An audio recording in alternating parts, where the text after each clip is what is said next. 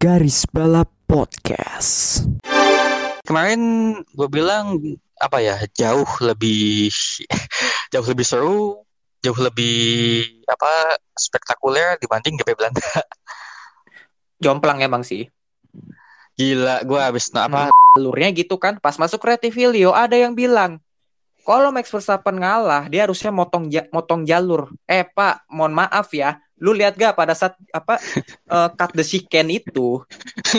ya, ya, itu ya. itu ada kerb sosis. Sorry to say nih, karena gini gini gini.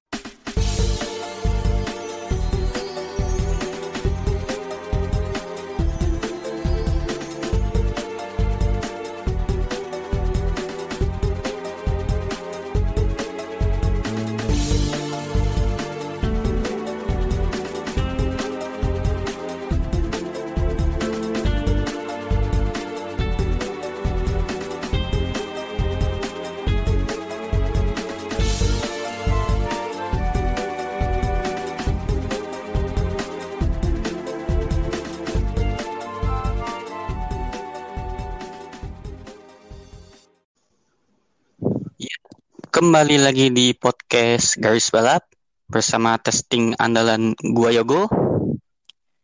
Gua bagus. Test Ya, driver, bukan testing. Oh, test driver ya, ya, ya, ya. Kalau gua nyebutnya testing. Testing apaan? testing andalan apa itu? Oh, ya, ya. Jadi gitu, eh, bilangnya test driver gitu ya. Iya, betul. Oke, oke, oke, mantap.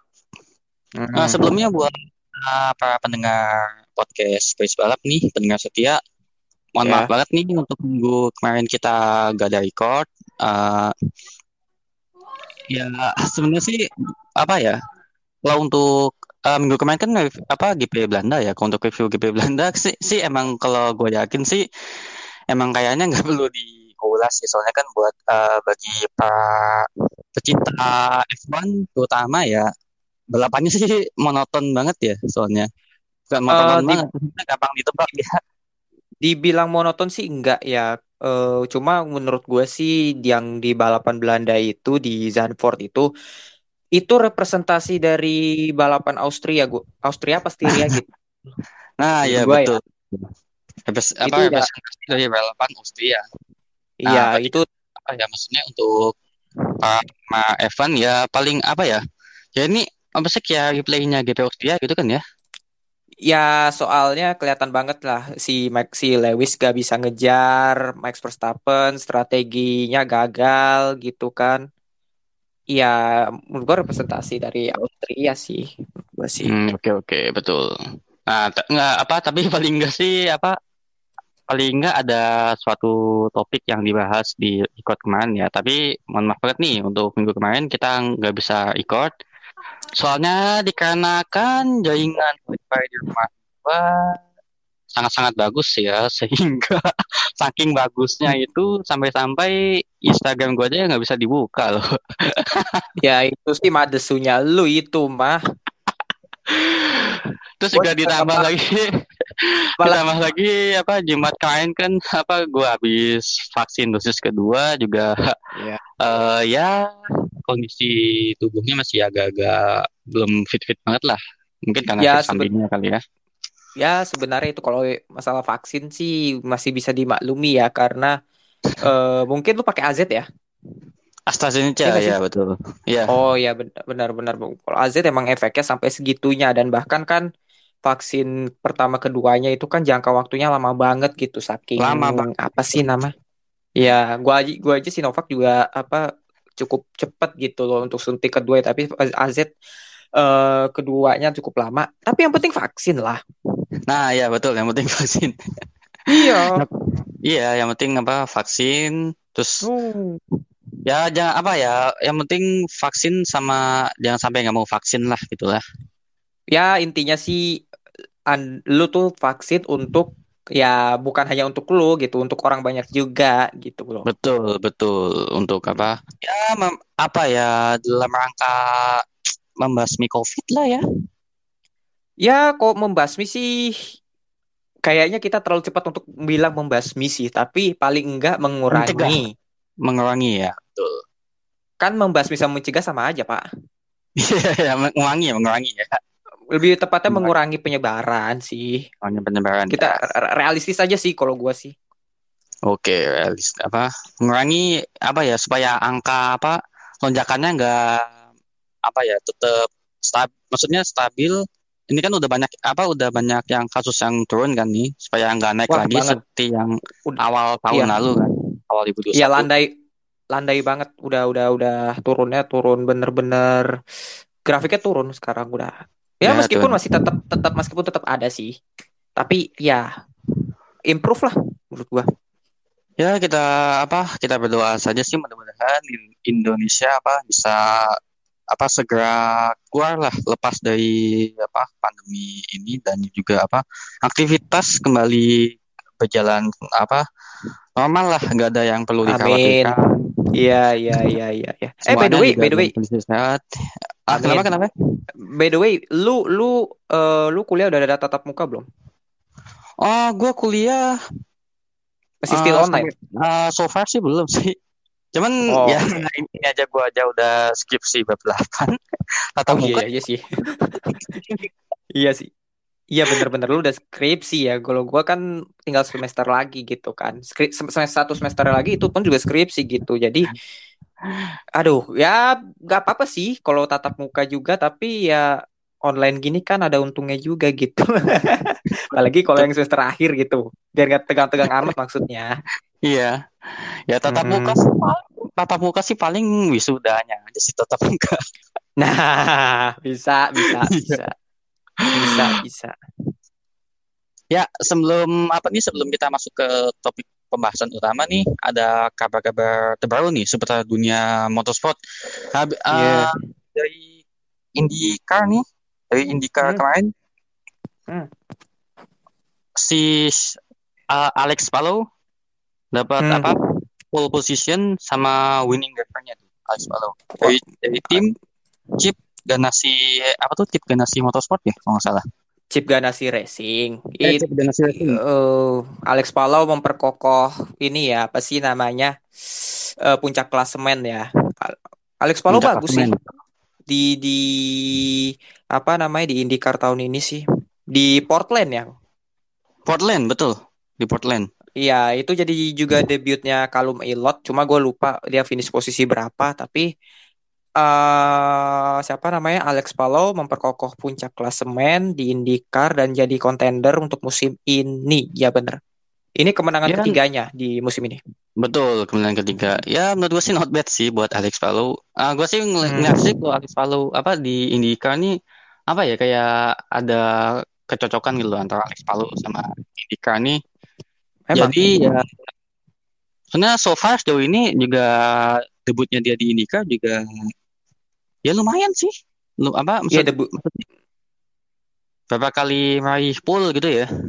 hmm, debut debutnya kan tahun lalu itu Ya, dan betul betul. dan cukup bagus gitu loh. Dan tahun ini di tim yang lebih beken dalam tanda kutip sama Chip Ganassi dan dia sekarang memperkokoh puncak klasemen tinggal dua balapan lagi nih. Nah, tertarik nih gua ngelihat siapa yang akan jadi juara pada akhir musim nanti antara Apollo, Allward sama New Garden. Bahkan Coach Dixon masih ada peluang. Mm-mm. Cuman Bahkan Dixon masih sih ada peluang. lebih, lebih ke sih ngeliatnya sih ya. Kalau untuk apa? Oh, Dari segi performa mungkin ya. Performa iya sih. ya meyakinkan sih kalau Palou. Hmm, hmm. Terus juga Iya, di iya, iya. fastnya tuh di ada pas drivernya tuh Grosjean, Grosjean. Yes. Sama di most lap itu ada Graham Rahal. Iya. Graham Rahal. Graham Rahal juga not bad sih ya kalau untuk di ajang ini. Terutama juga kemarin pas apa performnya di Portland juga ya cukup memadai sih. Iya, Graham Rahal mah dia udah bertahun-tahun di IndyCar. Dia anaknya Bobby Rahal, legenda IndyCar. Bobby Rahal betul. Graham Hmm. Rahal, Rahal, mantap. Hmm. Terus habis itu ada di WRC di Acropolis Hmm. Rally ada Mantap. winning winningnya dari Finlandia. Nih kayaknya kalau Finlandia nih untuk di WRC kayaknya merajai nih ya. Ada Kel Cukup. Rovanpera. Pembalap muda ini. Kalau kalau kalau di F1-nya sih ini Max Verstappen-nya WRC kalau Galero Van Pera. An- bapaknya juga pembalap. Pem- pembalap rally. Berarti kalau Kel Rovanpera ini berarti mungkin kelahir sekitar kelahiran 96-an ke bawah gitu ya. 2000. Dia dia Oh, 2000, 2000 ya? berapa ya? Du- 2000 2000. Iya. Wah, 2000 ya mantap mantap. Iya, iya, iya, iya, iya. Dia dia, dia anaknya si siapa sih itu? Henry Rovanpera. Eh, iya, Henry Rovanpera. Envy Rovanpera tuh angkatan tahun berapa tuh lupa gue tuh. Wah, 2000-an awal itu. 2000-an. Angkatannya Makres, Makrelo masih jaya-jayanya itu. Oke mantap mantap. Terus di Hmm. ada Inco drivernya siapa tuh Jen Halturn Haltunen. Iya, masih apa namanya pembalap apa namanya co-drivernya Finland juga. Finland juga. Ini Dia kayaknya tim, usia Toyota Gazoo nih kayaknya lumayan nih di Acropolis Rally kemarin. ya itu pun ya ya emang lumayan emang sih dan em, gimana ya? Calero Vanpera ini menurut gua masa depannya Toyota juga sih direkrut di usia muda gitu kan dipercaya gitu kan padahal musim lalu performanya ya seperti kebanyakan rookie lah pada umumnya pasti ada masa-masanya struggle atau gimana tapi tahun ini dipercaya sama Toyota untuk membalap di WRC dan ternyata proven bagus gitu loh dua kemenangan Dia tuh kemenangan beruntun lagi ya. nggak beruntun juga sih maksudnya I mean eh, Estonia sama Greece gitu loh Iya, Estonia Sementara sama kan di Greece balap nantinya. balapan Belgia yang lalu kan sebelum Greece ini kan dia ini podium doang. Oh iya, podium emang. Ya, betul. Hmm, Ya, hmm, hmm. Jadi sebenarnya eh, apa tiga apa podium tiga kali beruntun gitu ya. Ya, ya betul sih. Masih usia masih 21. Waduh, 21. Dua tahun di bawah gua. Ya, itu satu tahun di bawah gua juga. Tapi santai aja ya. Oke, habis itu dari ajang apa tuh ada Hyundai Monterey Championship di apa tuh Laguna ya. Sirkuit Oh, Laguna. IMSA ya. IMSA ya, betul. IMSA IMSA IMSA Weathertech. Pasti dari apa dari kelas DPI juga ada siapa? DPI, DPI, DPI Oh bukan ya, DPI. DPI. ya Di- DPI. ya. itu it- itu itu yang Ono. Ya, ya, ya, betul betul betul. Ya, betul. DPI, ya, DPI. Ya, ya, ya. Pema- a- di kelas DPI ada Philip Albuquerque sama Ricky Hmm. Tyler untuk di kelas Hmm. DPI. Terus di kelas Hmm. LMP ada siapa? Michael Jensen sama Ben Keating. Untuk di kelas Hmm. LMP3 ikut ya si apa LMP3-nya ini. Oh, Di- LMP3 eh, enggak eh, apa sorry sorry. LMP3 emang enggak diikut sertakan di balapan itu emang. Oh, enggak berarti apa enggak diikut saya katakan ya. Iya, cuma kelas du, cuma empat kelas doang LMP1. Eh sorry, kok LMP1 DPI, LMP2, Oke, LMP2 se- ya, TLM, GT eh, GTLM sama GTD. GTD, GTD, betul. Nah, Ya. dari GTLM nih ada Tommy Milner sama Nick Tandy. Untuk Pembalap GTLM. pentolan nih, pentolan di Corvette. Untuk Iya. Iya, orang bagus kok pembalap bagus, pengalaman juga. Tommy Iya. Nick Tandy. Mm. Terus dari adang GTD juga ada siapa Zach Robi siapa Zach Robinson sama Lawrence Vantor. Zach Robinson ini kayaknya dengar tadi. Ya, gue sih Lawrence Vantor karena pembalap por, pembalap pabrikannya Porsche udah malang melintang di ajang endurance. Juga apa debutnya di ajang itu juga udah lumayan ya. Di ajang IMSA. Ya lu memang lumayan dia. Dia bu- bukan lumayan lagi pembalap bagus sih. Dia pembalap makanya nggak heran Porsche ngerekrut dia. Berarti ada kemungkinan untuk IMSA yang tahun akan datang apakah masih tetap di Porsche ya atau mungkin pindah ke lain gitu? Bisa aja, bisa aja, bisa saja dia memang bukan bukan tidak mungkin ya di eh, di 2023 dia direkrut gitu sama Porsche untuk eh apa LMDH hypercar. Bukan nggak Hmm. mungkin. Karena ini pembalap bagus sebenarnya. Bagus juga performanya dari awal keikutsertaannya di IMSA juga memadai gitu ya. Wah banget. Pembalap pengalaman juga di usia yang di bawah 30 tahun untuk usia untuk pembalap usia di bawah 30 tahun dia udah banyak pengalaman gitu kan di ajang endurance ya bisa jadi sih. Oh betul betul di bawah 30 Hmm. tahun. Karena Hmm. karena kebanyakan soal untuk ajang endurance juga usianya paling apa di atas 30 ya untuk yang biasanya ya kalau untuk Iya. yang pengalaman-pengalaman gitu. Ya lu cek aja, jangankan INSA apa sih WEC lihat deh pembalapnya usia berapa berapa yang di kelas utama. Ada yang 40, 30. Gue juga pasti misteri sih kenapa pembal kenapa yang kelas utama tuh tim-tim yang di kelas utama ngambil pembalap yang udah uzur gitu. Ya, I know, pengalaman ya. Karena pengalaman Ya, juga. Ah. Tapi apa gitu loh. nggak nggak mau gambling kah gitu loh. kan kan tradisi mungkin ya oh di tim ini ambil pebalap contohnya pebalap siapa rookie of the century Lord Ya, Alonso Itu mah rookie of the all of time gitu, rookie of all competition gua rasa. iya iya makanya Mm-mm. oke habis itu dari MotoGP GP Aragon kemarin Yes. Nah, ini kemarin nih. GP Aragon kemarin di Akhirnya luar Baknaya menang ya. Betul Bagnaia menang kedua Marquez ketiga Mir bukan Hmm. Joan Mir Joan Mir Bukan teman bukan teman kita ya, si Amir. iya iya betul betul Joan Mir. Ya. Oke. cukup apa sih cukup di luar ekspektasi gue sih karena gue sempat mengekspektasikan kalau siapa yang pertama tuh Marquez gitu ya Karena pertama Marquez tracknya Marquez ya. Eh, betul banget itu tracknya Marquez banget Oke. Hmm. Oh ya terus sama nyinggung GP Belanda sedikit nih nah Kenapa? di pole di pole position sama winningnya ya Max Max terus di Yes. fast fast lapnya ya you know lah Hamilton Hmm. Hmm. tuh podiumnya aduh podiumnya gila nih gue sempat gue nih, nih Gus gue sempat pas awal si GP Belanda gue sempat batin nih ini pasti po- ap- Mm-mm. apa paling podiumnya Verstappen Hamilton Bottas nggak taunya Hmm. pas gue lihat dari lap awal sampai lap akhir waduh ini jangan-jangan Sa- kejadian ya Kejadian beneran. Sama-sama.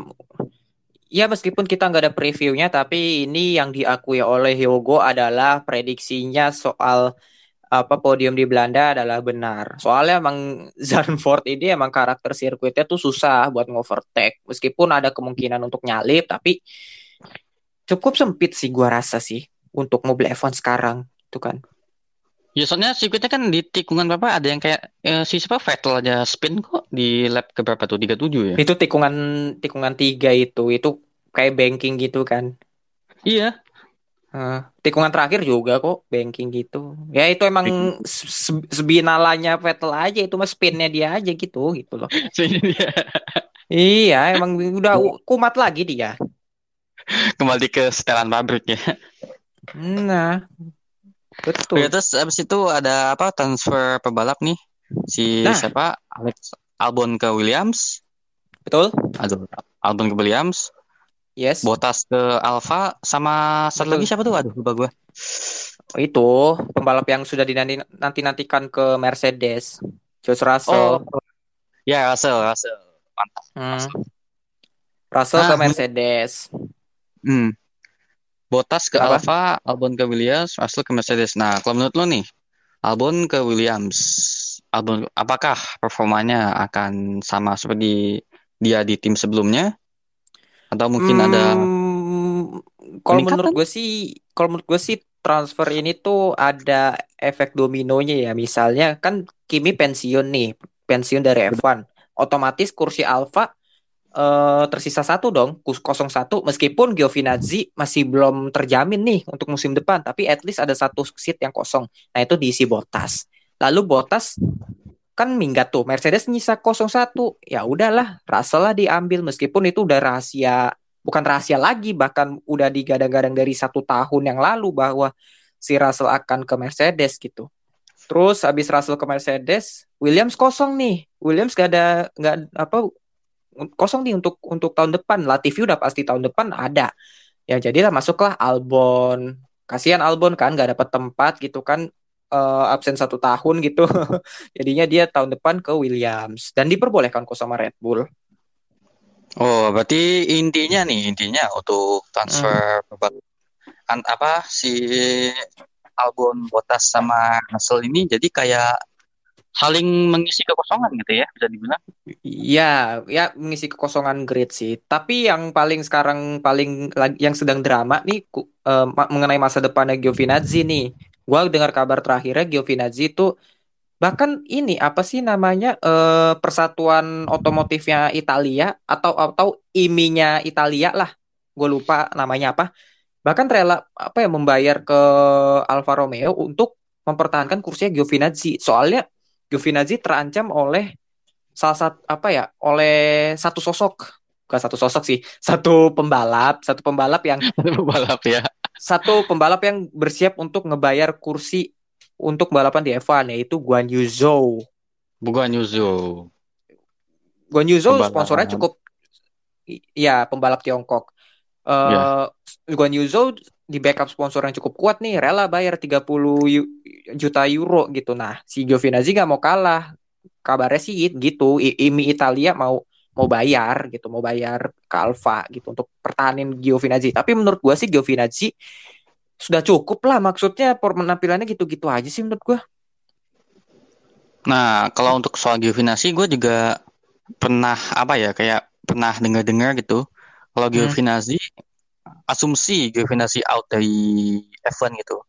Nah, gue Yes. pernah dengar-dengar ada yang bilang dia mau ke entah itu IndyCar atau Le Mans. Hmm. Lemang sih, potensinya sih, ya? Lemang. Karena Lemang ya? dia tuh masih ada apa sih eh, masih ada relasi lah dengan Ferrari gitu kan apalagi 2000 2023 Ferrari eh, kembali ke kelas utama gitu jadi bukan nggak mungkin Giovinazzi akan ke apa sih namanya akan ke Le Mans WEC tapi pat, tapi em, apa ya si Alfa ini juga sedang-sedang puyeng gitu sedang puyeng karena mereka sebenarnya kepengen masukin Porsche untuk tahun 2023 Ya, ya, Nah, ya, Guan ya. Guan Yu Zhou, kalau misalnya Guan Yu Zhou jadi ke Alfa, ya kali lu cuma dikontrak setahun, pasti Zhou mintanya jangka panjang dong. Sementara Bottas sudah pasti udah dikontrak multi multi year deal gitu. Jadi lebih dari dua tahun. Hmm, ya. Iya. Zhou gak mungkin dong setahun gitu loh. Jadi Iya. ya kalau mau emang mau masukin Porsche sih ya feeling gue sih bisa bisa aja Gio dibertahankan atau ya gue tapi gue nggak tahu sih isi apa namanya internalnya Alfa sedang pusing lah pokoknya kita lihat aja ke depannya gimana sih Mungkin kalau misalnya asumsi Zou Zou gak jadi nih, mungkin eh, Zou bisa ke misal mana tuh? McLaren? Em, nggak ada kursi kosong lagi sih tapi paling tapi kayaknya sih jadi test driver ya Alpine sih. Karena Alvin ya. dan dan juga paling ya paling kalau ajang sampingannya ya bisa ke IndyCar atau mungkin atau mungkin DTM gitu seperti Alex Albon sama Lawson tapi ya kita lihatlah bagaimana kelanjutannya sih. Pokoknya ini sengit sih satu kursi doang loh gitu loh di Alfa Iya, yang belum benar. pasti Apa ya, merebutkan satu kursi yang belum pasti di antara sekian banyak pebalap gitu ya. betul betul belum lagi ada nama Piastri aduh makin makin ya tuh Atau atau Kalau- enggak ya, kalau- jadi paling ke kalau misalnya dia nggak dapat nggak dapat nggak dapat ya paling ujung-ujungnya mana kayak IndyCar. Gitu. Lemang. Tapi feeling tapi kalau gua sih Piastri sama Porsche sih satu tahun lagi lah di F2 sih jangan buru-buru tapi kayak pembalap kayak Zhou harus banget naik kasta sih gitu loh. Udah saatnya lah. ya. Hmm, Oke. hmm, hmm. Oke, Gitu. berarti kita langsung ke topik utama nih. GP betul. Italia kemarin. Iya. Aduh, GP Italia kemarin pole position oleh Max, winning Betul. driver dan fast fast apa fast driver Daniel Ricciardo dan apa selap. oh ya fastest lap ya ya fastest lap sama Hmm. winning driver Daniel Ricciardo untuk apa kedua sama apa juara kedua sama ketiganya Norris dan Bottas. McLaren Aduh. satu dua ya. Ya satu dua. Hmm, hmm, hmm. Untuk GP Italia kemarin gue bilang apa ya jauh lebih jauh lebih seru, jauh lebih apa spektakuler dibanding GP Belanda. Jomplang emang sih. Gila, gue habis apa habis nonton Belanda. Ini ini gue apa maksudnya yang gue tonton cuma highlightnya ya. Misalnya highlightnya gue apa highlight GP Belanda sama GP Italia gue nonton, aduh. Gue habis nonton GP Belanda, highlight GP Belanda, terus habis itu ke highlightnya GP Italia. Jomplang ya. Atas 80 derajat, Pak. Hmm. Hmm. Karena apa ya? Gue Iya, lihat iya, GP iya. Italia itu tesnya tuh apa ya? kayak apa sih ya antara pebalap satu sama pebalap lain tuh kayak nggak ngasih tempat gitu loh. Terus juga apa Hmm. pas pada saat tempat yang pas tuh saling overtake overtake. Contohnya apa an- antara overtake Bottas Leclerc, Bottas Sainz, terus juga apa di lap berapa sempat Bottas Perez juga kan. eh perlu ditambahin lagi Bottas itu start dari posisi terakhir loh. Ini Nah, podium dia banget. pencapaian loh. Posisi terakhir bisa ke podium apa Podium. lanjut? Iya. Iya. Itu Soalnya dia tuh. soalnya dia ter eh, pada saat sebelum kualifikasi dia memilih untuk mengganti mesin dan power unit sih, mengganti power unit dan dia tuh kan di regulasi udah tercatat bahwa penggantian power unit hanya dibatasi tiga kali. Selebihnya lu kena pen, selebihnya lu kena penalti. Nah, si Bottas ini udah ganti yang di Italia ini udah yang keempat kalinya, jadi otomatis kena penalti. Starting dari pit lane apa paling apa paling belakang gue lupa deh. Pokoknya paling Kayaknya belakang pit deh, paling buncit. Paling buncit pokoknya sih. Iya, iya. Gitu. Hmm. Ya, ya apa- ya? Yang penting apa? Maksudnya pencapaian luar biasa lah ya. Kalau kalau misalnya sampai ada yang bilang, alah juara ketiga aja. Tapi itu itu kayaknya mulutnya perlu perlu disupel tuh ya. Ya bahkan ya se- sejak jujur jujur ya sejak sejak dia apa diumumkan oleh Alfa dia juga, juga kayaknya main lebih lepas sih Ya betul betul. main lebih lepas karena nggak ada beban atau apalah atau nggak harus berada di bawah bayang-bayangnya Lewis Hamilton atau gimana gua nggak ngerti lah secara Hmm. mental keangkat sih apalagi kan sebenarnya kualifikasi dia di pole position sebenarnya Em, dan juga di sprint juga di sprint qualifying dia menang gitu sebenarnya Se- sebenarnya meraih pole tapi ya karena itu karena penalti pergantian power unit kan jadinya dia start apa start dari posisi terakhir deh Hmm, betul betul. Terus juga apa? Hmm. Gue juga sempat melihat apa Bottas ini over mengovertake dua pebalap gitu yaitu Sainz pada untuk apa menjelang lap-lap terakhir ya. Sainz sama Perez dalam Hmm, Apa ya, Perez, dalam- sorry sorry sorry, Perez nggak di overtake sih. Perez tuh dia tuh sejatinya ya, sejatinya dia tuh dia di- berada di posisi tiga. Tapi karena dia Ah. kena penalti karena apa gitu lupa gue kayaknya motong chicken kalau nggak salah. Oh motong betul, chicken motong- kayaknya. Ya. Motong chicken ya. Karena Ya, apa living living chicken. and gaining at advantage kalau nggak salah gue lupa. apa derajat gitu ya motongnya tuh kan ada ada yang motongnya cuman sisi luarnya aja. Nah kalau Perez ini motong berapa derajat lupa tuh gue pokoknya endless motong aja. Ya mot- motong dan dia dijatuhi hukuman 5 5 detik. Yang akhirnya dia jat- dijatuhi ke bukan dijatuhi sih, akhirnya terlempar ke posisi 5 dia. Posisi Gitu. lima betul. Nah Yes. maksudnya apa? Sebelum apa entah sebelum atau setelah yang dia itu Bottas apa kayak sempet apa sih mengovertake Perez itu kayak berusaha apa ya. berusaha ya terus habis Hmm. itu sama ini Sainz apa kalau Sainz di menjelang Hmm. nah Hmm, hmm, hmm, hmm. Terus juga habis itu apa Giovinazzi crash ya di lap keberapa tuh lupa gua. lap awal sama Lap itu awal, senggolan di senggolan dia sama si siapa Sainz gitu loh. Dan dia udah udah gitu kena penalti pula karena itu karena dia udah keluar jalur gitu awal-awal lap motong-motong chicken di di Hmm. Della Roggia pas masuk dengan cara yang nggak aman gitu loh. Mencelakakan dirinya dan pembalap lain dia kena penalti. Penalti berapa detik itu? Lupa juga gua. 5 pas 10 Iya. detik gitu.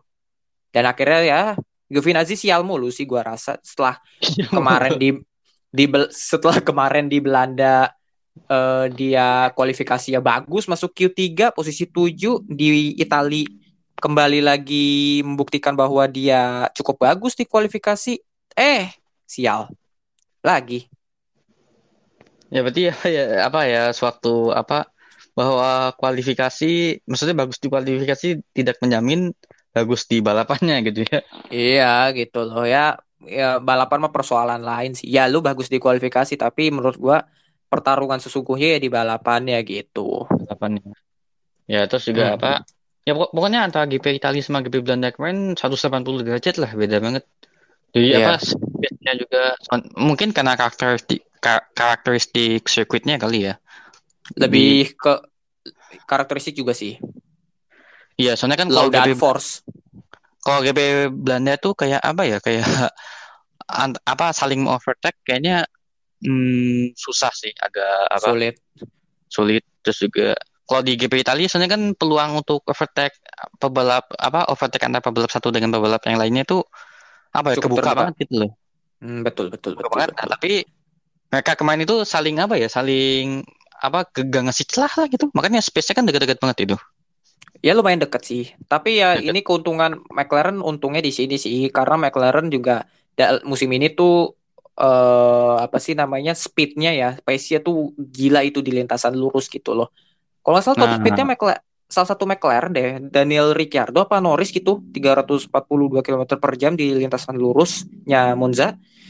Jadi ya nggak heran gitu loh di Monza, di Monza McLaren cukup unggul meskipun ya lagi-lagi di, di tikungan rada apes sih si McLaren ini.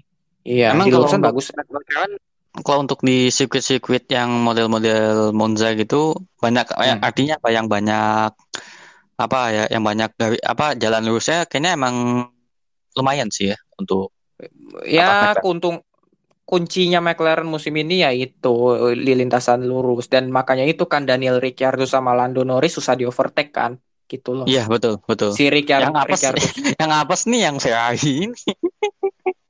Ya Ferrari mending lah daripada musim lalu gitu kan. Si Vettel brake failure terus eh, Leclerc kecelakaan nabrak tembok. Jadi ya menurut gue sih dengan finish apalagi di poin gitu loh. Tapi ya iya ya not bad sih gitu loh.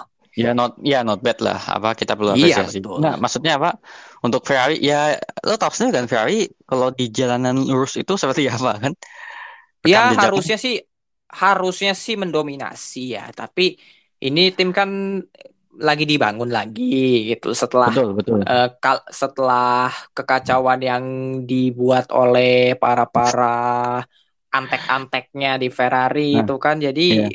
ya ini udah cukup cukup cukup inilah cukup apa sih namanya ya ada progresi kalau untuk di Monza meskipun gak menang ya sebenarnya sih Ferrari tuh wa- harus wajib menang harusnya di Monza karena ya tuh rumah sendiri gitu kan iya Iya. rumah sendiri tapi kalau gue sih kalau misalnya gue jadi tifosi sih gue nggak mengekspektasikan seperti itu karena ya Ferrari ini lagi dibangun lagi gitu loh lagi dibangun lagi apa ya maksudnya lagi dibangun lagi menjadi yang Hmm. apa ya menjadi yang lebih baik dari sebelumnya gitu ya Iya iya ya ber- paling nggak bersaing sama McLaren dulu sih McLaren soalnya jauh lebih improve soalnya gitu. betul betul nah Hmm. di GP Italia kemarin ada insiden yang melibatkan Hmm. Pebalap pebalap, ulung dari tim pebalap ah pebalap ini pebalap bukan apa ya maksudnya pebalap pebalap iya ibaratnya kalau misalnya di bola itu good lah good kan Iya. CR sama F1. Nah ini goatnya F1 gitu. Hamilton Iya. sama Verstappen. Ha, ya Max sih nggak got lah belum lah Hamilton iya. Oh ya ya, ya pokoknya pebalap, pebalap kelas ulung lah. Nah, Hmm. Itu kan gini ya. Pada saat Hmm. Versta- apa si Max Verstappen ada di tikungan tuh, sementara Hmm. Hamilton posisinya udah mepet banget nih, mepet banget sama Hmm. tikungan. Sehingga Hmm. mobilnya si Max ini apa ya? Di apa ya kayak bisa dibilang kayak agak kayak angkat gitu ya. Terbang itu ya. Sampai apa di atas Om, ya keangkat lebih lebih Iya, tepatnya sampai- keangkat sih. angkat ya. Sampai Yes. angkat di atasnya Hamil apa mobil Hamilton sehingga keluar jalur seperti itu. Di Nah. atas helmnya Hamilton malan. Iya, di atas Hamilton. Makanya apa pas Sampai liat, kan sampai kena ini sampai kena helmnya Hamilton itu. iya, apa ya? makanya pas gue pas gue liat gini, waduh, untung apa apa maksudnya apa ya Evan tuh pakai helm gitu ya. Kalau saya kemarin kalau saya Evan cuma pakai kayak misal topi atau pakai hoodie gitu, pasti kepala udah hancur itu. Dan dan jangan lupa peran halo. Ah, betul banget peran halo. Hmm. Itu krusial tuh, halo. banget itu. Iya, bayangin aja kalau itu open cockpit ya udah selesai gua rasa sih. Open Open Covid udah ya seminim minimal minimalnya Hamilton masuk ICU Iya jangan lah. Iya sih, tapi ya bersyukurlah ada apa ada apa sih namanya ada hello gitu kan apalagi ya lu lihat sendiri ukuran ban F1 sekarang segede gitu 10 kali lipatnya ada kali kepala lu gitu. Bukan masalah apa beratnya juga. Beratnya berat, mungkin ton. Iya itu gede banget itu. Nah iya. gitu. Nah untuk apa insiden yang kemarin nih? Kalau dari ini kalau dari Hmm. sudut pandang gua ya. Gua menilai Iya coba. Nah, sebenarnya gue nggak bisa ngejat sih antara maksudnya ini apa yang salah Hamilton atau yang salah si siapa Verstappen gue nggak bisa ngejat Hmm. ya seperti Hmm. yang kalimat yang pernah gue ucapkan waktu pada saat membahas shithouser semua gue Yes. salahkan ke FIA gitu loh keputusan FIA kalau gua- sudut pandang gue sendiri ini seperti apa ya kayak Verstappen itu kan posisinya kan udah di tukungan ya nah Hmm. Eh, si Hamilton untuk dia ngasih celah sedikit gitu seharusnya sih kalau untuk sekelas Hamilton sih bisa sih bisa sih untuk ngasih Hmm. celah gitu. Nah tapi yang sangat-sangat gue sayangkan kenapa Hamilton kayak apa ya pada saat Verstappen mau masuk ke ini nih mau masuk apa kayak mungkin mau mengovertake Hamilton nah, Hamilton Hamilton kayak apa sih kayak eh nubrukin bukan nubrukin sih maksudnya kayak mepet ke tikungan sehingga terjadi crash seperti yang Tung- tadi gue bilang Tunggu tunggu tunggu. Gua, lu lu bela siapa ini? Eh, i- ini gue sebenarnya sih bukan bela siapa-siapa ya, cuman maksudnya Oh. menyayangkan, menyayangkan kenapa Hamilton Hmm, hmm, hmm, hmm. tidak bisa apa ya ngasih celah sedikit ke mobilnya Max seperti itu. Oke, oke, oke, oke. Berarti gue lebih ke Max lagi- dong. Ya, kalau lihat dari ininya sih lu lebih ke Max sih. Betul, betul lebih ke Max ya. Ah, Nah, untuk untuk dari sudut pandang gue seperti itulah. Kenapa Hamilton sangat disayangkan kenapa Hamilton tidak apa ngasih celah sedikit ke Max sehingga apa ya mobilnya apa tidak terjadi insiden crash seperti itu tadi yang apa mobilnya Max angkat sehingga menimpa seperti itu sih. Nah, kalau Hmm. dari sudut pandang lo nih, untuk terkait insiden Lewis sama Max tuh, Kalau gua ya, gua lebih ke mending sih gue lebih ke netralnya aja sih. Gue berusaha untuk objektif kan. Eh kita ini kita mundur ke belakang. Eh kita mundur ke belakang ketika Lewis Hamilton itu eh, habis ngepit ya. betul, Ngepit dengan ban yang segar gitu, ban baru gitu. Nah, datanglah si Max berhadapan-hadapan. Nggak berhadapan-hadapan sih, bersebelahan. Bersebelah. Kalau kalau berhadapan-hadapan malah numbruk. eh maksudnya bersebelahan, bersebelahan menuju Retivilio gitu kan. Nah, masuk Betul. nih. Kalau dilihat dari rekaman replaynya, di replaynya itu emang kelihatan bahwa Hamilton, Hamilton berada di depannya Max. betul, betul, Tapi, tapi yang perlu diingat, kita harus apa ya memposisikan kita sebagai pembalap deh, sebagai mereka deh. betul, Pertama, oke Max mungkin tahu bahwa si Lewis ada di situ, tapi dia kan apa ya? eh tapi kan apa ya? Meskipun dia berada, meskipun dia sadar bahwa Lewis di situ, apalagi dia dari lintasan lurus gitu kan, bukan dari pit juga. Jadi Max merasa bahwa di situ itu adalah jalurnya. Itu betul, betul, begitu masuk ke Retivilio. Meskipun Hmm. dalam rekaman replay Hamilton li- apa ya eh, lebih di dep- apa di depannya di depannya Lewis gitu loh. Pas masuk eh, lu tadi bilang bahwa lu menyayangkan bahwa Hamilton tidak memberi ruang. betul, betul, Ini gue ini gue bisa kasih penjelasan kenapa dia nggak ngambil ruang. Pertama yang tadi gue bilang ya dia apa namanya eh, dia tuh kalau bersebelahan tuh sama Max mobilnya lebih di depan daripada si eh, siapa Max. Lalu pas masuki Retivilio dia pasti merasa dong bahwa eh, apa sih namanya dia masuk lebih dulu gitu kan ya, masuk lebih dulu. Apalagi ini ban baru, ban segar. Yang pasti Hmm, ya. apa ya? Yang pastinya belum belum belum ada feel-nya nih. Belum ada feel bahwa dia mau memberi ruang ke Max. Gitu loh. Betul, nah, betul. makanya apalagi pada saat Retivilio, ya Retivilio tuh tikungan yang di dalamnya cukup sempit gitu loh. Jadi untuk side by side saja itu sangat mustahil kecuali kalau ada salah ada satu mobil yang cukup memberi ruang untuk mengalah atau apalah pokoknya pokoknya cukup memberi ruang itu mungkin bisa gitu dis- diselesaikan dengan mulus gitu. Dan akhirnya ya tabrakan seperti itu dan Max untuk Max point of view-nya dia itu dia merasa bahwa itu jalurnya karena dia berasal dari uh, lintasan lurus di Monza. Ya, dah. Berarti dia berasal dari lintasan lurus sehingga apa ya, ya jalurnya itu Dan dia lebih kencang loh. Dia lebih ken dia lebih kencang dari Hamilton loh. Harus diakui saat itu. Dia lebih yeah, kencang yeah. dari Hamilton loh. Karena mau karena saat itu Hamilton lagi kepit habis habis habis keluar dari pit. Oh iya iya iya. Habis keluar dari pit. kecepatannya tuh jadi apa ya? Jadi mungkin di, dipercepat tapi maksudnya apa ya dipercepat tapi dalam dalam kondisi bukan dari awal dipercepat ya ini kan soalnya kan hmm, kondisi iya. Kan dari kondisi iya, iya. Iya, apalagi lu abis apa abis dari pit gitu. Pit kan ya otomatis kan dari jalur lambat ke pas keluar lu langsung cepet gitu loh. Dan Max yang lebih cepet gitu di jalur yang lebih cepet gitu.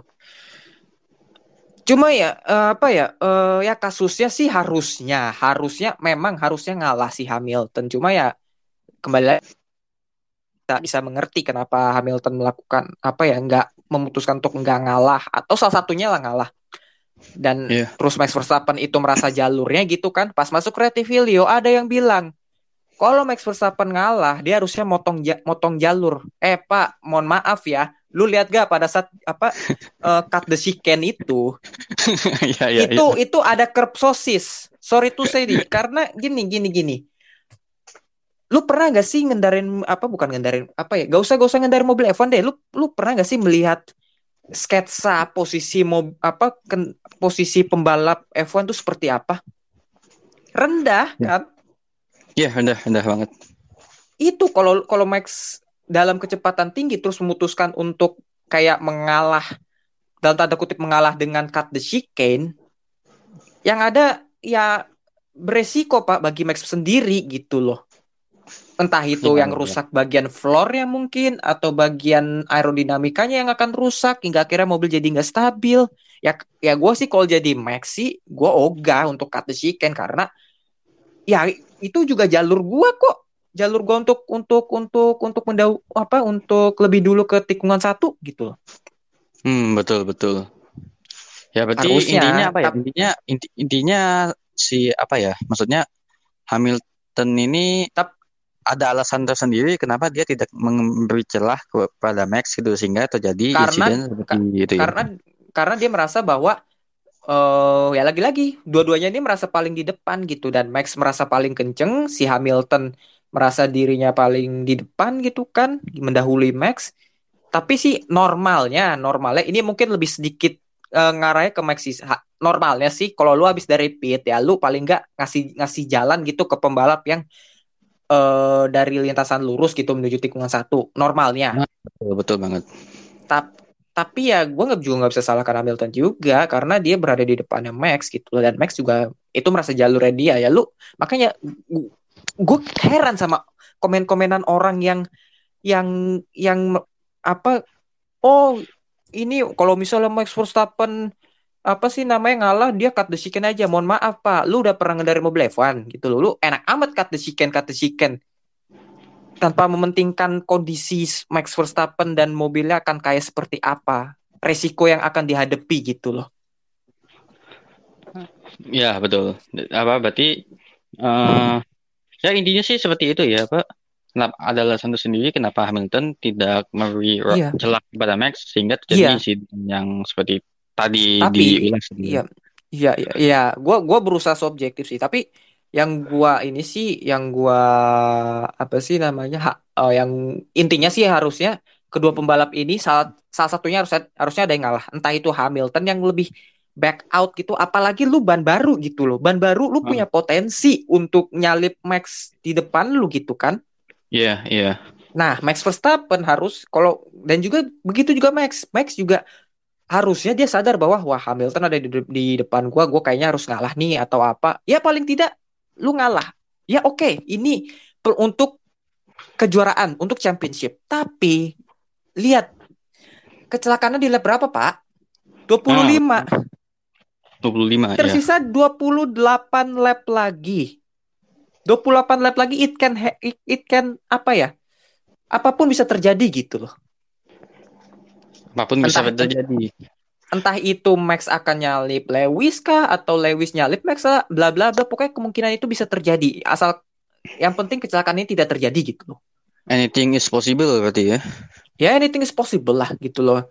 Makanya yang patut disalahkan ya ya kalau boleh to be fair ini ya dua-duanya karena nggak ada yang mau ngalah, gak ada yang back out atau apalah. Tapi yang gua heran adalah kalau Max Verstappen nih nggak ngalah dia kata chicken aja ya lah. Lu udah pernah ini ini belum sih? Itu yang gue sayangkan sih kayak komen-komen kayak gitu gitu loh. Iya, komen.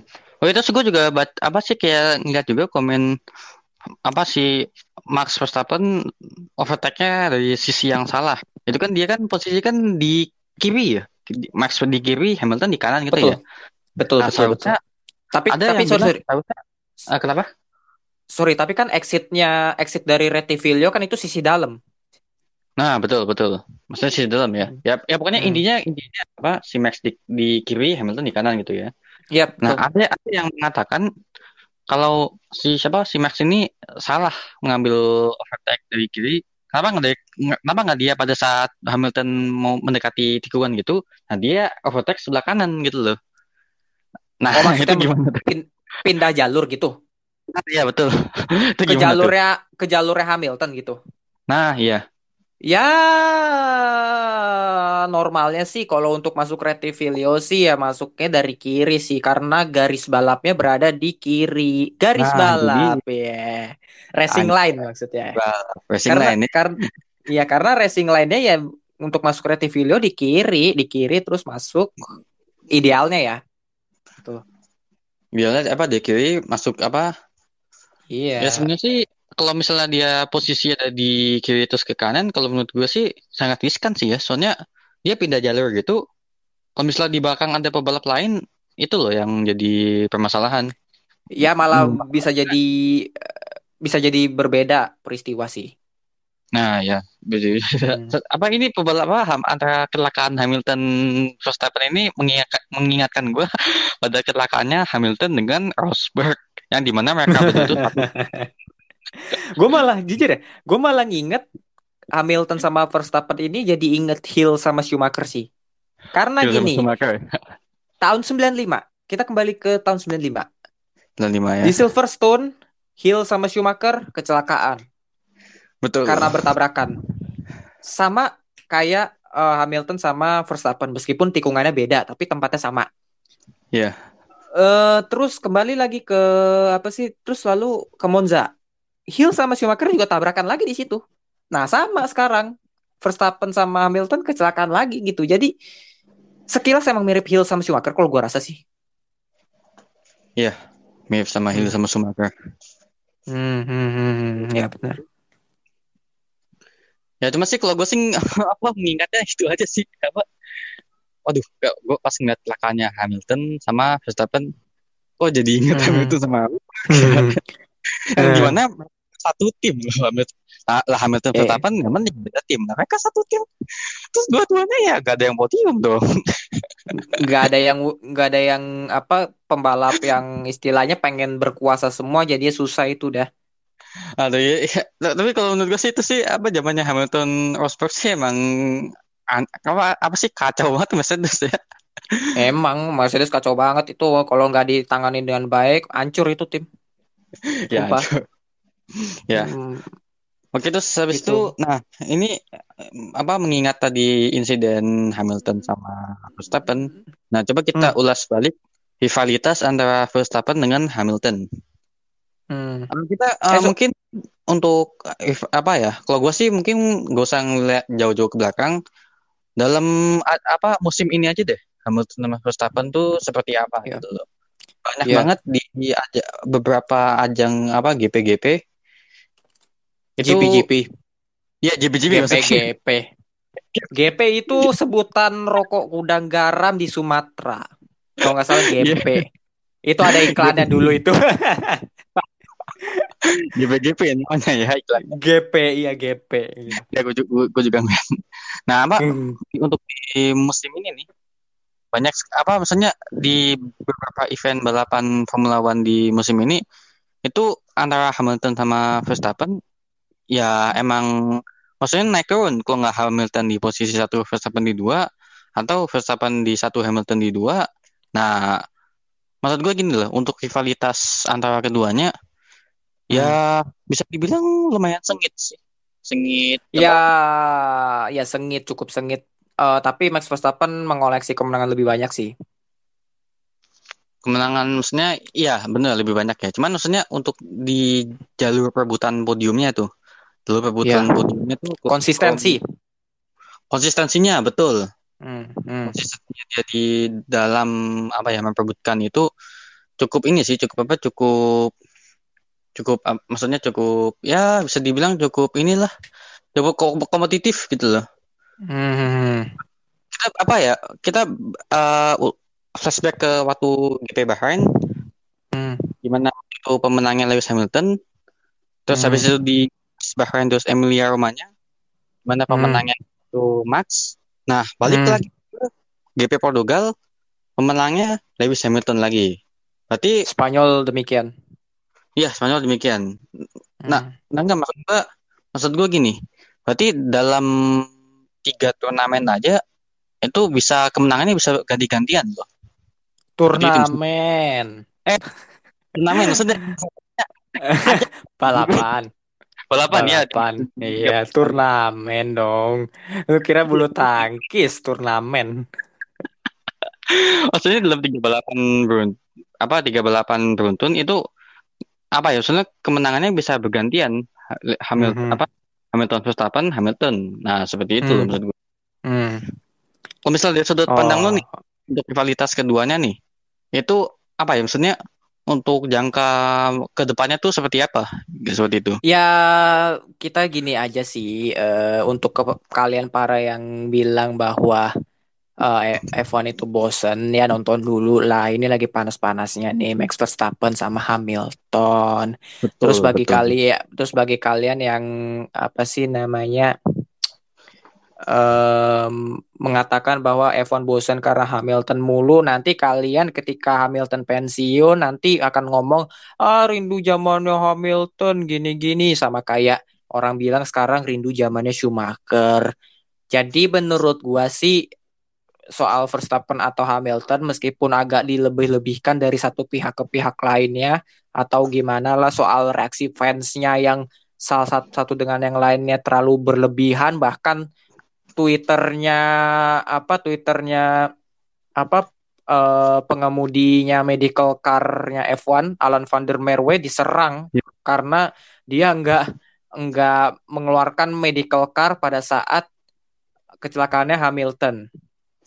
Padahal Hmm. waktu itu Hamilton baik-baik saja gitu loh. Meskipun berbahaya memang ban di atas kepalanya gitu kan gunduk gitu aja jadi jadi eh, meskipun begitu tapi waktu setelah kecelakaan itu kan mobilnya si Max itu di atasnya Hamilton ya. Dan Iya. Hamilton tuh masih sempet-sempetnya untuk mundurin mobil gitu loh. Jadi ya baik-baik aja gitu dan juga dia kan belum dapat perintah si Alan van der Merwe ini kan belum dapat perintah untuk masuk ke ke apa namanya ke sirkuit gitu loh. Jadi Betul, ya betul. jangan apa ya, gua nggak nggak ngerti kenapa orang-orang ini kok menyerang Alan van der Merwe gitu loh. Padahal dia perlu kalian tahu Alan van der Merwe ini cukup berjasa dalam menolong jasanya si Roman Grosjean di Bahrain tahun lalu. Jadi ya gua nggak ngerti sih kenapa orang-orang ini nyerang Alan van der Merwe karena mereka karena apa ya dia hanya menjalankan tugasnya gitu. Kalau emang disuruh untuk masuk ke sirkuit ya dia akan lakukan gitu. Tapi kan waktu itu emang nggak disuruh gitu loh.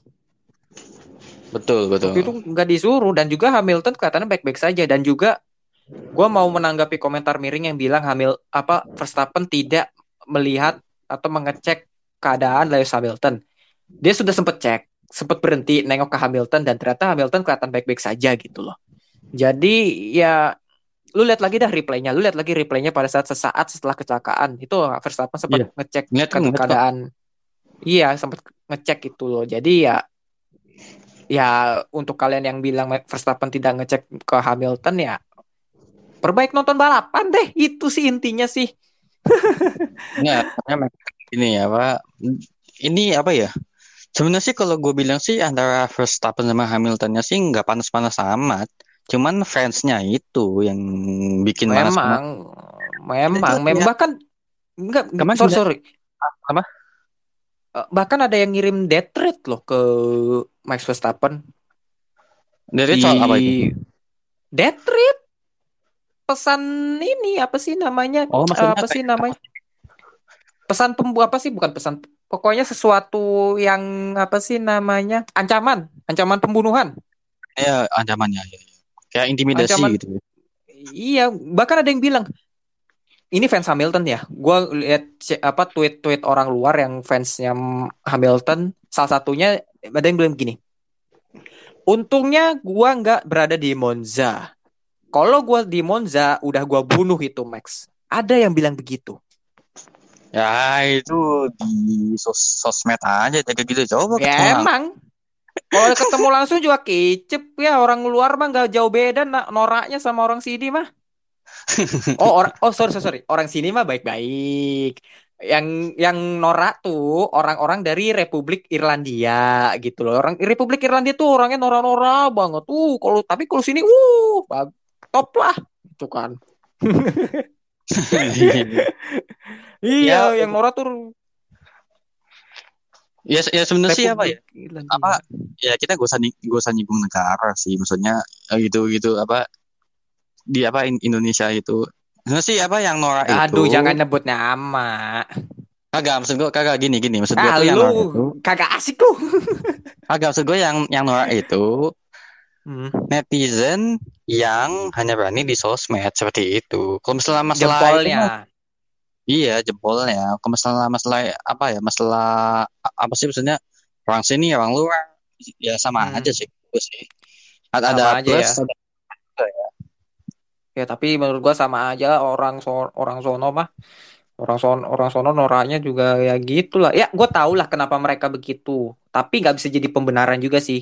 Yang gua tahu kenapa mereka begitu karena mereka kecewa. Mereka merasa idolanya, junjungan tertingginya itu dicelakakan hingga akhirnya dia nge-tweet begitu. Tapi ya itu seperti yang tadi gue bilang nggak bisa dijadikan pembenaran, Pak. Kalau lu emang emosi, ya lu kontrol gitu loh. iya Oh, makanya gue gue bilang makanya makanya nih makanya nih untuk kalian yang sering-sering kayak istilahnya ngirim entah itu sara ke Hamilton atau itu ngancam apa ngirim ancaman pembunuhan ke Max atau gimana perbanyak nonton balapan itu banyak nonton kuncinya balapan Per- gitu. karena ya hal- hal-hal kayak begini tuh sebenarnya biasa. Senggol-senggolan kayak gini tuh sebenarnya biasa. Karena ya balapan pada intinya sih tidak jauh dari maut. Meskipun lu udah ada halo atau helm yang secanggih apa pun atau mobil yang pengamannya sangat canggih tapi maut akan selalu mengintai di balapan. Meskipun kita nggak menginginkan maut datang tapi resiko itu selalu ada gitu loh. Betul betul. Betul betul banget. Ya gampangnya Kalau gini ya- aja deh. Apa kayak ini apa maksudnya kayak gini loh. Gampangnya kayak Messi sama CR itu Hmm. lu lihat deh fansnya kayak apa sih? Nggak, ya Pe- orang po Pesi Penaldo gitu-gitu norak lah itu. Gak orang sini gak orang luar sama aja kan komennya gitu-gitu aja kan. Gitu-gitu Bener aja. Gedeg gua ngeliatnya. Nah pa- padahal Messi sama CR-nya sendiri apa pribadi apa ada masalah di antara mereka berdua nggak ada kan biasa aja. Tapi kalau untuk Hamilton sama Verstappen ini agak sedikit gesek-gesekan sih karena mereka saling tuduh gitu atas kecelakaan tadi kemarin.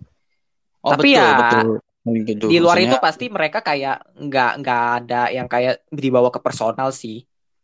Murni di kompetisi itu mah.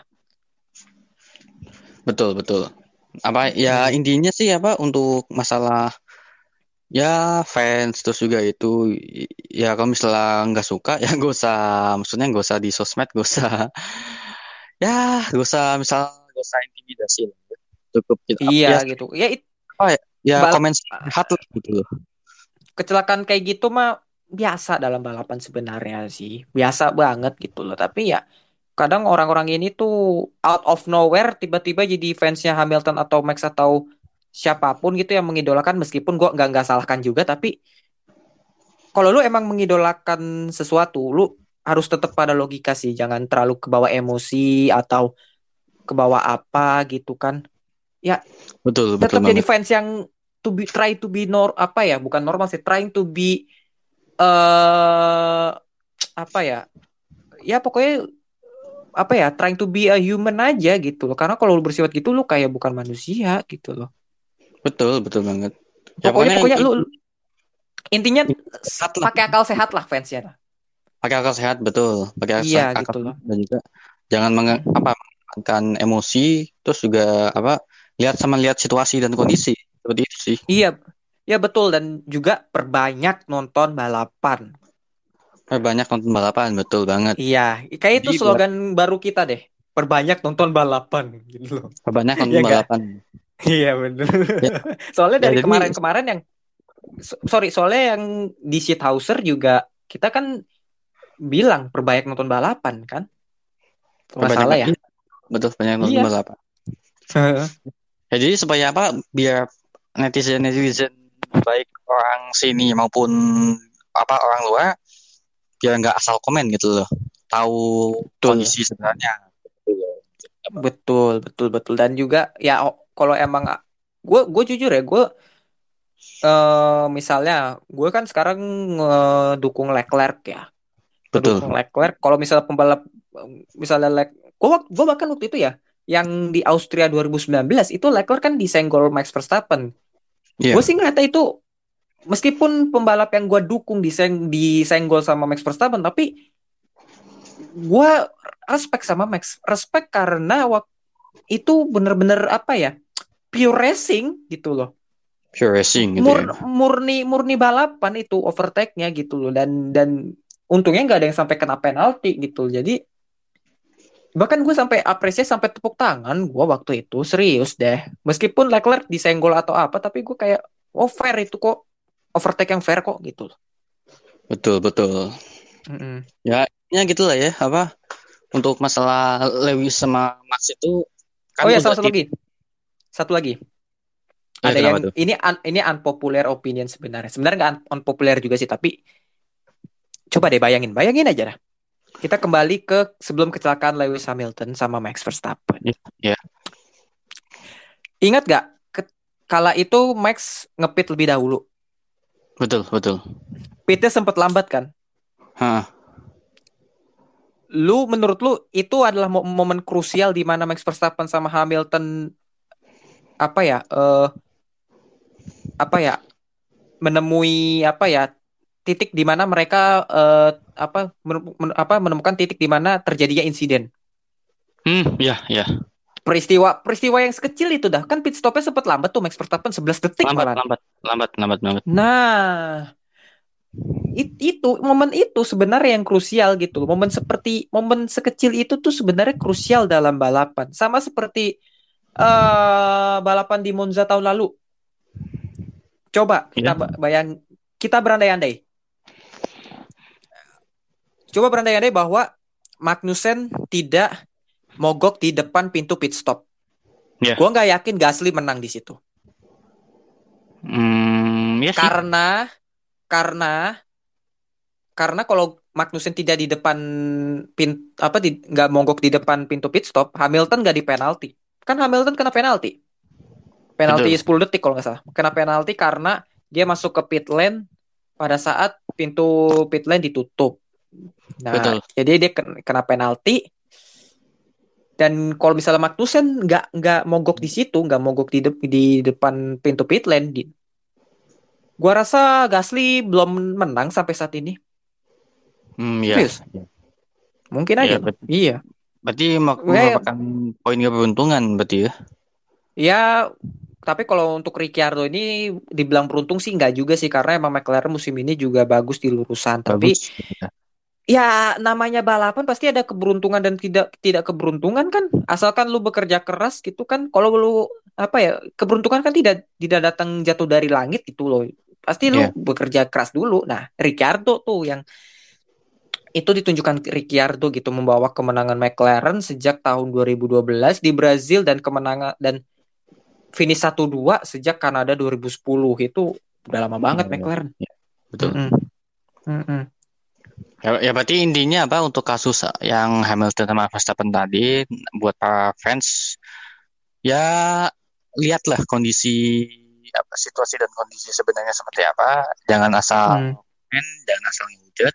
Karena ya untuk kecelakaan seperti itu se- semuanya mana ada yang kepengen sih baik dari Hamilton maupun Verstappen juga nggak ada yang kepengen kan Iya, pembalapnya juga pasti nggak ada yang kepengen gitu. Dan jangan jangan jangan buat asumsi bahwa Max Verstappen akan bunuh Hamilton atau apalah. Udahlah itu udah udah udah norak lah menurut gue sih. ya apa sih Jangan Pasti buat lah, asumsi, jangan buat asumsi pembalap akan membunuh satu sama lain sih, jangan. Kayak namanya pertanyaan gua, kan ya kita kan bersaing Lanjut. secara sehat lah ya iya dan dan pertanyaan gua, Ah? iya dan pertanyaan gua adalah kalau lu emang bener-bener berpikir bahwa dia akan dia ah, membunuh pembalap itu, emangnya lu siapa? Kok lu bisa tahu? Lu orang Iya. dalamnya gitu loh. Nah kan Iya. makanya lu siapa gitu loh? Lu orang dalamnya, lu keluarganya, lu adeknya.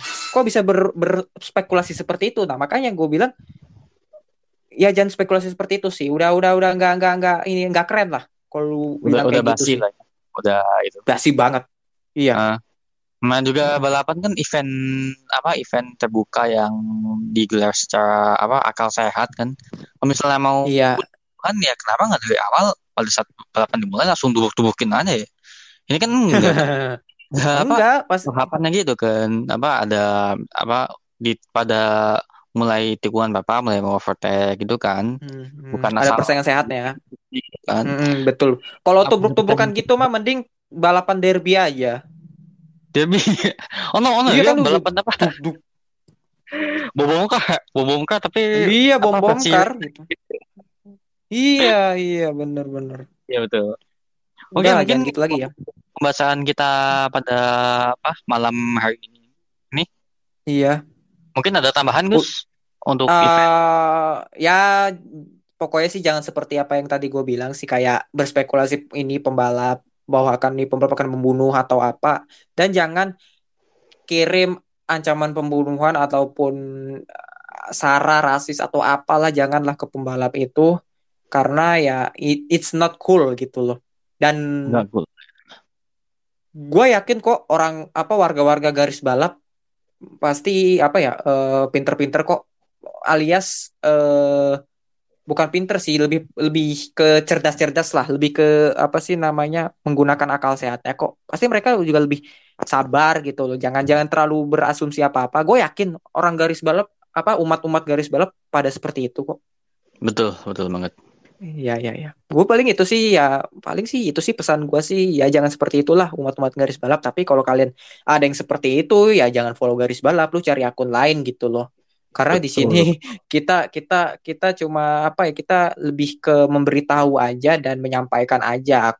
Soal kalian setuju apa enggak ya hak kalian, tapi ya kita di sini hanya menyampaikan dan berusaha untuk menyampaikan pendapat ya siapa tahu pendapat kita bisa benar bisa salah ya mau koreksinya atau apa dan ya tetap pada menggunakan akal sehatnya sih itu aja sih Betul, betul. Gunain akal sehat ya. garis teguh gitu Harus teguh. Mantap. Jadi guys motivasi. ya motivasi ya ya benar benar benar benar Oke, mungkin cukup itu aja sih pembahasan kita pada malam hari ini. Ah, iya iya iya Oh ya, sama untuk apa ya? Untuk penggemar motorsport di apa seluruh penjuru tanah air untuk apa ya, ningkatin apa sih eksistensi balapan apa motorsport di Indonesia untuk apa ya? Kita ngajak buat apa ya? Ayo eh saksiin apa maksudnya banyakin nonton kayak balapan seperti Formula, iya iya Formula banyak banget juga kemarin apa si Sean Gelael di apa tuh Asia Le Mans ya? di Le Mans Eh, Iya Le Mans ya, aku Asia Le Mans sih. Nah di Le Mans, nah itu juga menjadi apa ya? Salah satu tolak ukur keberhasilan motorsport apa di Indonesia lah seperti itu. Ya bisa dibilang cukup bagus, ya emang bagus sih Gelal di endurance gitu. Ya. Eh kema- tadi itu loh promo promo KFC dia. Iya pemegang sih. Iya, tapi Ini tapi hanya berlaku hanya berlaku drive thru sayangnya. Dia dia kok nggak salah ngelayanin loh, ngelayanin di KFC Alter Kemang. Oh, tapi drive thru. ya? Iya drive drive thru. Oke, Dev tuh Kalau lu- kalau-. Ya nggak besok juga, bes hari ini aja. Hari ini hanya ya, berarti berlaku ya? hari ini. Iya, aduh parah banget. Oke, oke, Gua kalau misalnya punya gua, gua sih kalau misalnya punya mobil atau ngendar mobil ya ya gua berangkat gua. Tapi kan gua gak punya mobil gitu loh. Iya bener bener. Gaya apa intinya seperti itulah ya untuk ningkatin apa eksistensi motorsport di Indonesia. Hmm. Apa apalagi kan untuk uh, 2022 ya yang apa Mandalika. Ah ya. Nah, untuk apa yang apalagi yang 2022 ada Mandalika tuh. Nah, coba nonton gitu loh. Kan apa Pak Presiden kan sudah mempromosikan apa sirkuit Mandalika tuh Iya. demi apa demi eksistensi motorsport di Indonesia tercinta. Nah, Hmm, buat meskipun balap roda dua. nah balapan roda dua. Nah, buat nggak apa-apa. eksistensinya, maksudnya ayo nonton gitu loh, nonton apa bal- Hmm. event yang Iya, membawa iya. nama Indonesia gitu. Iya Jadi iya iya. di ke depannya nama Indonesia tuh jadi ada gitu loh di Iya iya iya iya iya. Sebenarnya sih dengan Mandalika ini udah mulai sih udah mulai kelihatan sih. Nah, Udah udah mulai kelihatan. kelihatan bahwa Indonesia nih siap untuk berbuat banyak di ajang motorsport. Iya. Meski mau Mandalika atau Jakarta IPRIK, gua rasa sih Indonesia udah saatnya sih bang- bangkitnya motorsport Indone- Indonesia sih. Iya. Dan Terus per- dan dan perbaik nonton balapan udah itu aja. Ya, nonton balapan, betul. Hmm, hmm. Nonton balapan demi apa ya? Biar eksistensi motorsport di Indonesia tuh jadi naik kembali seperti pada masa lalu, pada Iya apa betul betul. zamannya Betul, betul. siapa? Damicola ya, yang lagi naik. ada Mikola, Moreno Suprapto, dan Betul, sekarang ada Sean Gelael. Sean Gelael lagi betul. berusaha sih memperkenalkan berusaha balap endurance. Hmm. pertahankan apa ya? Salut gua. Salut. Pokoknya apa Hmm. ya? Biar apa nama Indonesia tuh jadi apa ya? Jadi adalah di motorsport gitu. Iya, iya, iya, iya.